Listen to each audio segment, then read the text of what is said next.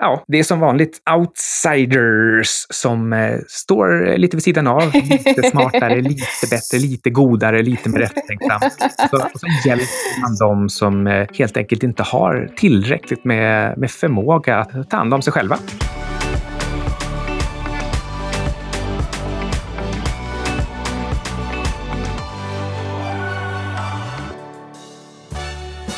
Hej Anna, är du i New York nu? Ja, det är jag. Och eh, kommer du ihåg när jag för ungefär två och en halv vecka sedan sa till dig att eh, det var precis när vi hade kommit hem från Grekland och jag sa till dig att Åh, nu ska jag nog inte resa förrän i vinter. När vi pratade om att åka till... Eh, jag pratade om, jag skulle i och för sig åka till New York i december för att jag har lite möten och grejer här.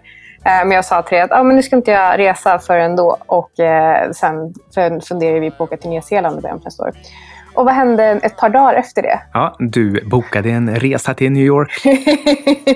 ja, det är sånt som händer. Och eh, det är jättehärligt att vara här. Jag kom hem till Maria igår vid 22. Vi pratade lite om livet, drack lite te. Och eh, sen somnade jag och sov faktiskt hela natten för att jag lyckades hålla mig vaken på planet. Så jag är faktiskt knappt jetlagd. Du som inte vet vad du har slagit på för någonting så är det här Outsiders med Syding. Och Svan och vår eminente klippare Alexander Mårton. Hej Alex! Hej Alex! Men vet du vad det bästa med att resa utan det är? Ja, det vet jag, men du kan få berätta det i alla fall. Det är, det är ingen som är med och är priskänslig när man ska välja hotell. Så kan jag välja precis vad jag vill.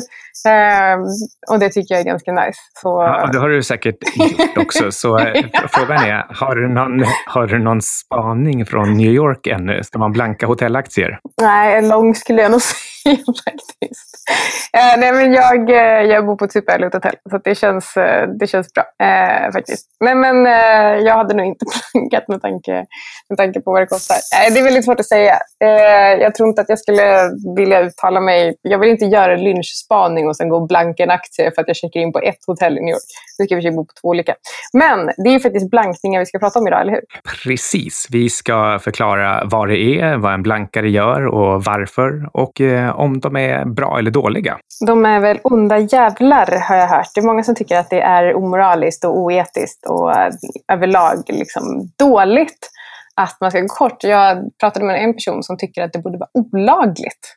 Ja, vi vet ju faktiskt inte riktigt hur såna här long only egentligen tänker. Så, så, därför kan det vara lite svårt. Det kan bli att vi bygger lite halmgubbar som vi sen tänder eld på utan att riktigt veta vem det är vi kritiserar.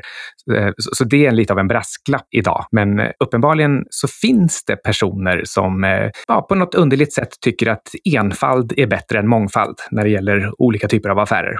Eh, och alla aktieaffärer, de har två komponenter, köp och sälj. Mm. Och det spelar ingen roll om man blankar eller inte, det är bara ordningen på dem. Så, så det kan liksom per definition inte vara någon skillnad.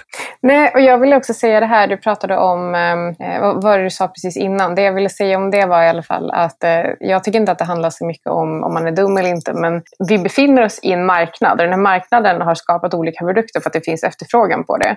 Och det som blankare faktiskt medför är ju faktiskt faktiskt eh, någon form av eh, motivationsfaktor för att ta fram annan, eh, annan information än den som stödjer bolaget. Det handlar inte om att eh, bara, det är klart att man kan använda bara blankningar som en del av sin strategi, men det är, ingen, det är väldigt, väldigt få som har en renodlad blankningsstrategi i sin, i sin portfölj. Utan det är snarare ett komplement och eh, dessutom möjliggör det faktiskt för att fler ska bli långa, ska kunna vara långa. Men det ska vi prata om lite längre fram.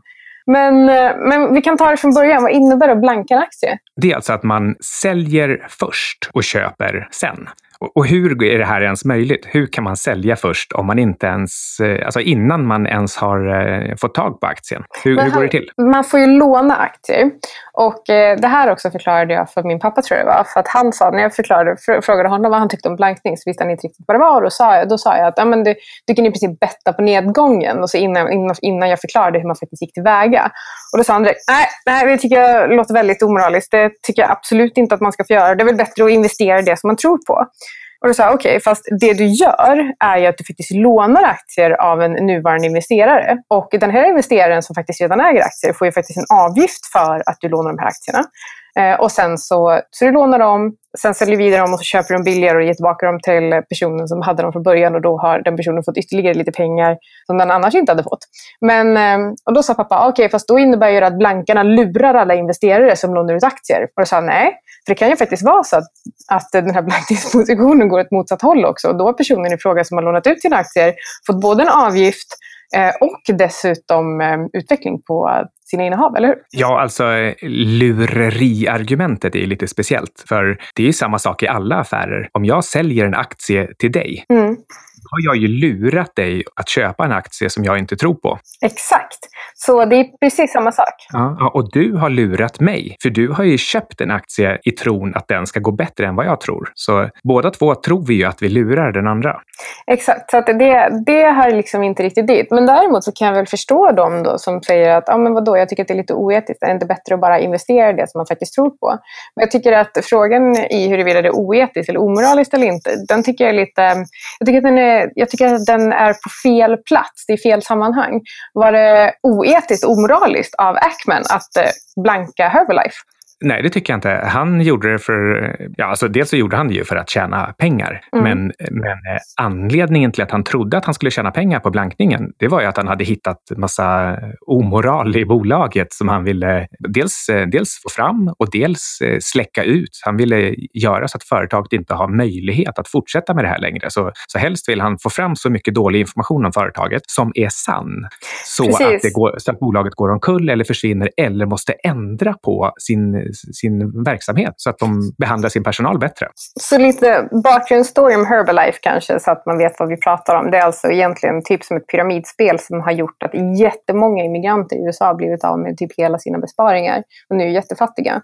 Och eh, de har blivit inlurade här och sen så har eh, personerna över dem tjänat en del pengar. Så det är ett renodlat pyramidspel. Och när Bill Ackman upptäckte då att eh, det är jättemånga människor som blir alltså, rent ut sagt lurade på pengar och lurade av det här företaget, så ville han eh, så ville han verkligen visa på att men det här är inte ett bolag som ett ska vara på börsen, för att det, är, det skapar ju faktiskt inte värde på det sättet. Och, eh, och två, så trodde han också att det fanns ett case för att oj, jag upptäcker det här. Det innebär att fler borde upptäcka det här snart och då borde aktiekursen falla.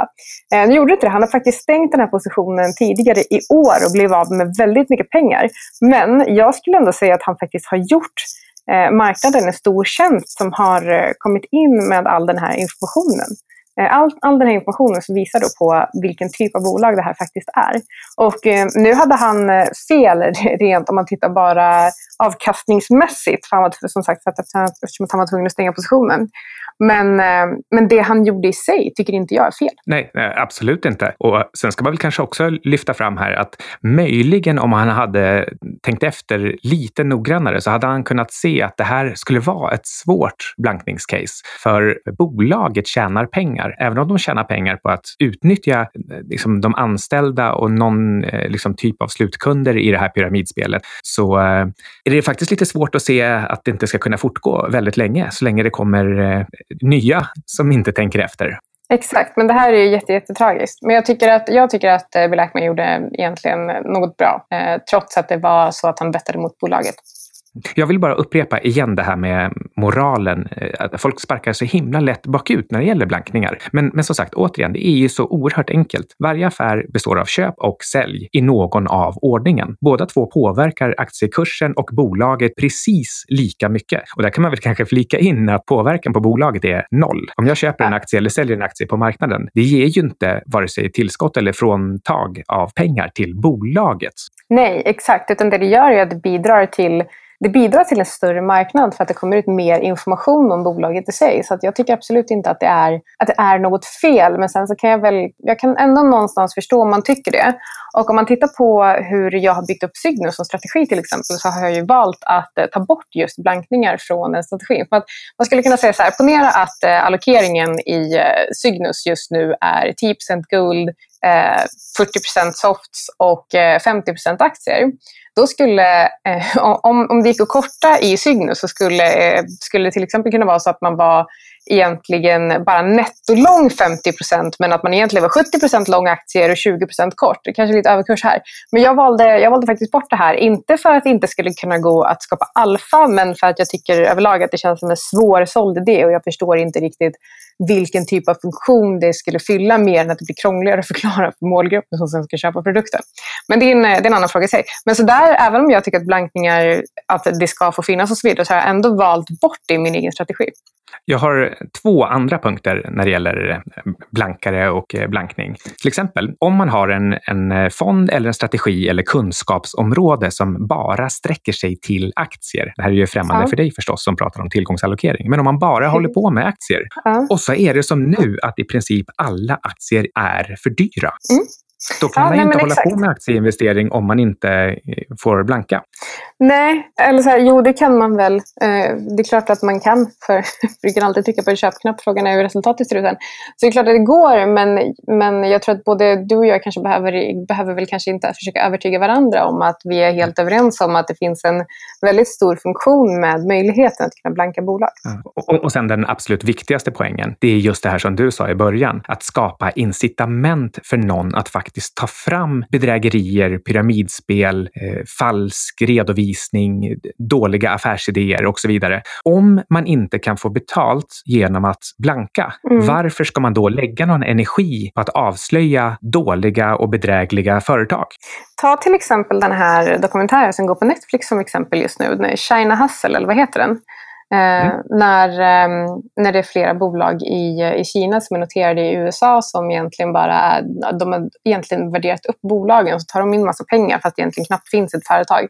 Och eh, så finns det, fler, det finns flera i USA som har upptäckt det här och då har de valt att blanka de här bolagen för att de vet att det här kommer dras fram i ljuset någon dag. Är det omoraliskt eller är det att eh, sprida kunskap och information på marknaden? Alltså jag tycker att det verkligen bara handlar om ett eh, riktigt positivt och gott arbete att sprida den här informationen. För tänk annars alla stackare som ovetandes går in och köper aktier i bolag som de tror är 10 till 100 gånger så stora som, som de faktiskt är. Precis. Men blankningar är ju faktiskt inte, inte något för alla. Det är, rätt, det är fortfarande ganska svårt att tjäna pengar på nedgång, eller hur? Mm, alltså förutom att det, marknaden tenderar till att drifta uppåt, vilket många gärna förklarar för oss och inte minst eh, för mig, det har jag fått höra många gånger om jag har legat snett i en blankningsposition. Man kan aldrig vara en långsiktig blankare, får jag höra. Ehm. Hodel, en kort position. ja, det, det, har jag i och för sig gjort privat, det gick, gick jättebra. Ehm, men alltså, förutom att man har det emot sig så har man också eh, alla andra emot sig. Mm. Företagen vill bara sprida positiv information. Myndigheter vill eh, undvika all typ av oro och kollapser och förluster på alla sätt. För alltså, de vill ju också bara att allting ska ha en högre prislapp för att de ska kunna få in mer skatt till exempel. Exakt. exakt. Eh, och eh, eh, någonstans i samhället så har folk fått för sig att det ska vara så himla lätt att tjäna pengar på blankning så de, så de tror att man kan bara gå ut och, och hitta på en negativ negativ story och ta en kort position och sen, och sen köpa tillbaka när, när det har gått ner. Eh, och, och, och därför så är just blankare misstänkliggjorda, vilket innebär att även om du kommer med ett helt och hållet rättrådigt blankningscase, då är risken att det blir som för David Einhorn, att eh, FBI tar ner dig i en källare och lyser dig i ansiktet med en ficklampa och undrar vad du håller på med. Att, det vill säga att man tar in whistleblowern och ja. förhör dem istället för att ta in företaget, alltså själva förövaren. Ja, jag har, jag har en litet tillägg där om varför det är så himla svårt att blanka. För att det är väldigt, väldigt, väldigt få bolag där framförallt smart money är nettokorta. Och eh, det behöver inte vara, bara vara smart money, men eh, netto överlag. Så eh, min, eh, min blankningsposition i H&M till exempel, det har ju verkligen varit, även om jag har varit extremt säker på min analys där, så har det varit väldigt massa mycket till och från senaste året där jag har känt att äh, men jag kanske är helt fel ute. Det, det kanske faktiskt är så att, eh, att de har bottnat nu. Och sen så har jag, och då har jag tittat på siffrorna, jag har gjort en, en analys igen, jag har funderat, jag har funderat, så kommer jag fram till precis samma resultat. Så för mig handlar en blankningsposition också om att jag har blivit extremt ödmjuk inför att jag måste göra om den här analysen om och om, och om igen. För jag är inte alls lika säker på eh, de analyser som leder till korta positioner som man kan vara för de som leder till eh, långa positioner. Och jag skulle också vilja säga att Eh, jag tror också att man eh, direkt eller, eller per automatik gör en noggrannare analys om man ska gå kort i ett bolag. För där vill du faktiskt inte ha missat någonting. Men det är väldigt, väldigt lätt att, ehm, att säga att ah, men, eh, jag tycker om det här företaget så jag tar en lång position för att jag tror på den här produkten på lång sikt. Du skulle inte vilja blanka Apple för att du tror att iPhones kommer sluta sälja om tio år. Men däremot så kan du säga att ah, jag köper Apple för jag tror att vi alltid kommer vilja köpa iPhones. Så jag tror att ehm, att grundidén eller grundtänket generellt när det kommer till att blanka eller, eller gå lång är att man gör en noggrann analys om man ska gå kort ett bolag. Men det var bara en liten side story. Plus att man är generellt mer osäker, eller jag är det i alla fall. Det är jobbigt hela tiden. Ja. Jävla magsår alltså. Ja, nej, man, man har eh, motvind, så eh, blankare måste jobba hårdast och vara smartast. Ja, man får inte så mycket klappar på ryggen heller, utan folk tycker att man är dum i huvudet. Alltså hur många gånger har inte folk hört av sig till mig bara för att tala om för mig att jag är efterbliven för att jag har kort H&M. Och så sitter man där och bara, oh, men jag kanske faktiskt är det. Ja, du minns ju också hela, hela Fingerprint-historien när man, man, ja. man blir hånad och utskrattad när kursen står högt. Och sen när den mm. står lågt och det visar sig att det var som man trodde, då... Det har varit konsensus hela tiden. ja, plus att folk tycker att man är, är taskig om man eh, talar om det. man kanske ska säga att blankningar inte är något för alla. Då. Det, är, det är blod, svett och tårar. Det är det vi ska liksom komma fram till. Om man ska vara blankare, då måste man Eh, vara en riktigt god och altruistisk människa som, som lever för att ta fram falsk information så att man kan rädda vanligt folk som inte orkar ta fram den här informationen. Jag älskar hur, hur det här avsnittet som skulle handla om blankningar istället blev något slags skönmålande Sydingsfan-avsnitt där vi bara talar om för alla andra hur himla snälla vi är som kortar deras bolag. Jag tänkte också bara lägga till det här, du, du sa också det i början, men, men att eh, man, eh, om man blankar så möjliggör mm. man ju för er att ligga långa. Exakt. Och, och, Precis. och om man har fel som blankare, mm. då har man dels gjort att fler kan ligga långa och tjäna pengar. Mm. Eh, och man har dessutom betalat avgift åt en del av de långa. Så att man har både betalat avgift och skapat fler långpositioner. Och dessutom, eftersom man nu hade fel, så mm. måste man ju själv in och köpa tillbaka sen i någon, någon slags eh, täckningspanik, vilket driver upp kursen minst lika mycket som när man sålde. Jag så... tänkte faktiskt precis just om det också, det här med att eh, det här med att det som, skulle kunna, det som händer om blanker har fel är att eh, negativiteten bidrar till köplägen. Jag skulle också vilja påstå att kan inte, kan inte blankare också hålla nere värderingen överlag på vissa bolag och att det också faktiskt bidrar till att det inte blir upphåsat mer än vad det redan är alltså? Ja, alltså precis. Vi måste göra klart för oss att... Eh, en all... annan typ av balans på, i marknaden kanske? Ja, precis. Alla finanskriser, mm. de beror på att det gick upp för mycket först. Mm. Och, och den, den det är liksom som att klättra för högt upp i ett träd och sen när en gren bryts, då slår du dig riktigt mycket om du faller så högt. Men om du inte, om du inte kan klättra för högt upp, mm. då är det ingen dramatik i att gå ner till normalnivå igen. Och, eh, men finns det, finns det annat än, än aktier som man kan blanka? Man kan ju gå kort valutor och man kan gå kort diverse med olika instrument och så vidare. Men, eh, ja, men alltså, valutor då? Ja, precis. Vad, vad, innebär det att blanka kronan till exempel? Alltså ja. om, jag kör, om jag går lång dollar? Ja, det är väl vad du har gjort nu. Du har säkert köpt lite dollar. Har du några cash? Ja, det har jag faktiskt. Ja, då blankade du kronan. Mm, det ska du ha, Ingves. Mm. Din jävel. Ja, men det, det, det är nog helt rätt just nu. Eh, och eh, man, kan, eh, man kan ju blanka till exempel frimärken eller gamla samlingsmynt. Man, eh, mm. man, man, går hem till eh, den där gamla gubben som man bor granne med och så säger man hej, mm. eh, den här gamla silverdalen du har, kan jag, kan jag låna mm. den några dagar? Och sen går man ja, och så sälj, säljer man den på Blocket och sen hoppas man att man kan hitta ett likadant billigare någonstans. Men finns det något negativt med blankning? Och nu tänker jag för, framförallt på bolagssidan. Vad händer med bolag som är i behov av nyfinansiering? Till exempel, jag tänker på det här med att det pressar aktiekursen. Vi har diskuterat lite om vad händer med, med Tesla om aktiekursen når en viss låg nivå som gör att Elon faktiskt måste börja sälja. Mm, alltså, det, det är förstås så att om du köper en aktie, då skapar du ett tillfälligt köptryck och sen när du ska ta hem affären, då säljer du och då, går den, då skapar du ett tillfälligt lika stort eh, nedtryck. Så blir det neutralt mm. totalt sett och du har gjort din affär. Och om du börjar med att sälja, då börjar du med det här lilla säljtrycket. Och, och om ett bolag redan är dåligt skött, om de har osunda finanser eller av annan anledning är behov av nyfinansiering, om, om liksom bolaget, som i vilket fall som helst är lite illa ute, om mm. du då börjar med att sälja, att det, att det blir ett, just mm. ett bankingstryck, då kan kursen mm. gå så lågt att det skulle vara för utspädande att ta in så mycket pengar de behöver. Och då kan man hamna under ett, ett, liksom ett, ett, ett, ett särskilt eh, värde som gör att det blir omöjligt att ta in så mycket pengar som man behöver. Och då kan faktiskt bolaget gå i konkurs. Men, Men frågan är då om, och, och nu vill jag liksom kanske inte, jag vill inte generalisera, men eh, om nu bolagen är så illa ute att de nästan går i konkurs, är inte det kanske ett bra blankningsläge då? jo, precis. Så ska de verkligen vara på börsen då? Är det verkligen bra att, att, men, att ja, men du förstår vad jag menar? Nej, alltså, om, om ett bolag kan gå i konkurs av att aktiekursen går ner lite grann, nej, mm. då, då, då, får de skylla sig själva. Då, det, då har de inte skött eh, bolaget på ett, på ett vettigt sätt. Då har mm. man för stora risker, för stora hävstångar, för mycket lån. Någonting är definitivt fel i bolaget. Om det inte är mer livskraftigt än att det inte kan stå ut med att kursen rör sig lite fram och tillbaka temporärt. Exakt, exakt.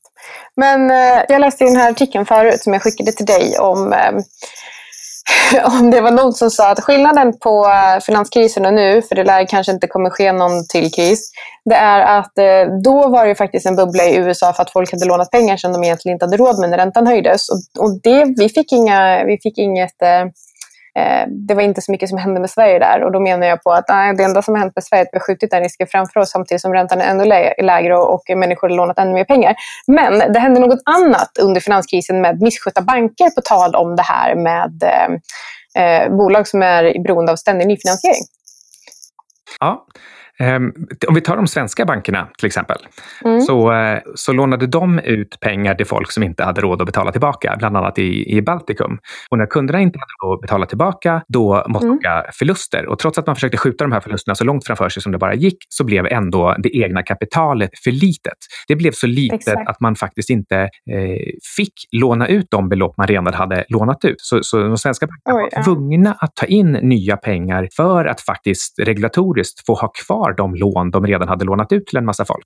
Ja. Eh, och, då gick aktiekurserna ner så mycket så att det blev just den här utspädningströskeln. Att kursen gick ner så mycket så att om de skulle ta in tillräckligt mycket pengar, då måste de ge så stor rabatt så kursen gick ner ännu mer. Och så blev det här en spiral till kursen stod så lågt mm. att, att det såg ut som att nej, men då, då går det inte. Då går bankerna omkull. Men så är det klart att så gick eh, staten in och, och fixade till det här med en liten, eh, liten abrovink eh, som inte behöver gå in i detalj på. Men, men man, som vanligt så går staten in och räddar med skattepengar pengar på något sätt med garantier och lite fusk hit och dit. Eh, men, mm. men eh, de svenska bankerna hade misskött sig, tagit för stora risker och eh, skulle ha gått i konkurs. Men så fick du och jag och alla andra betala istället. Men sunda bolag som inte är i behov, akut behov av nytt kapital då? de har väl ändå ingenting att oroa sig för just när det kommer till blankningar? Nej, absolut inte. Det finns ingen som helst påverkan för dem för vad som händer på andrahandsmarknaden för aktier, alltså på börsen. Det, det har ingenting mm. med företagen att göra helt enkelt. Nej, så hur ska man sammanfatta det här då? Det är vi blankare som är de goda och håsare som är de eh, bubbliga kanske. Så det här var hybrisavsnittet kan man säga. Outsiders har hybris idag. Kan man säga så? Eh, nej, vi är objektiva. Okej. Okay. Jag tänkte i alla fall att jag skulle ta blanka den här eftermiddagen och ta en nap innan min middag ikväll. Ja, vad är klockan i New York? Nu är klockan 15.41 här och det är tisdag den 11 september. Oj, det är den 11 september idag. Ja, vad kul. På tal om det. Nej. Äh, too, too soon. too soon. Ja, nej, men eh, det blir trevligt att uh, talas vid då, herr Siding. Vi, uh, vi ses om en vecka. Ja, outsiders. Outsiders. Hej då.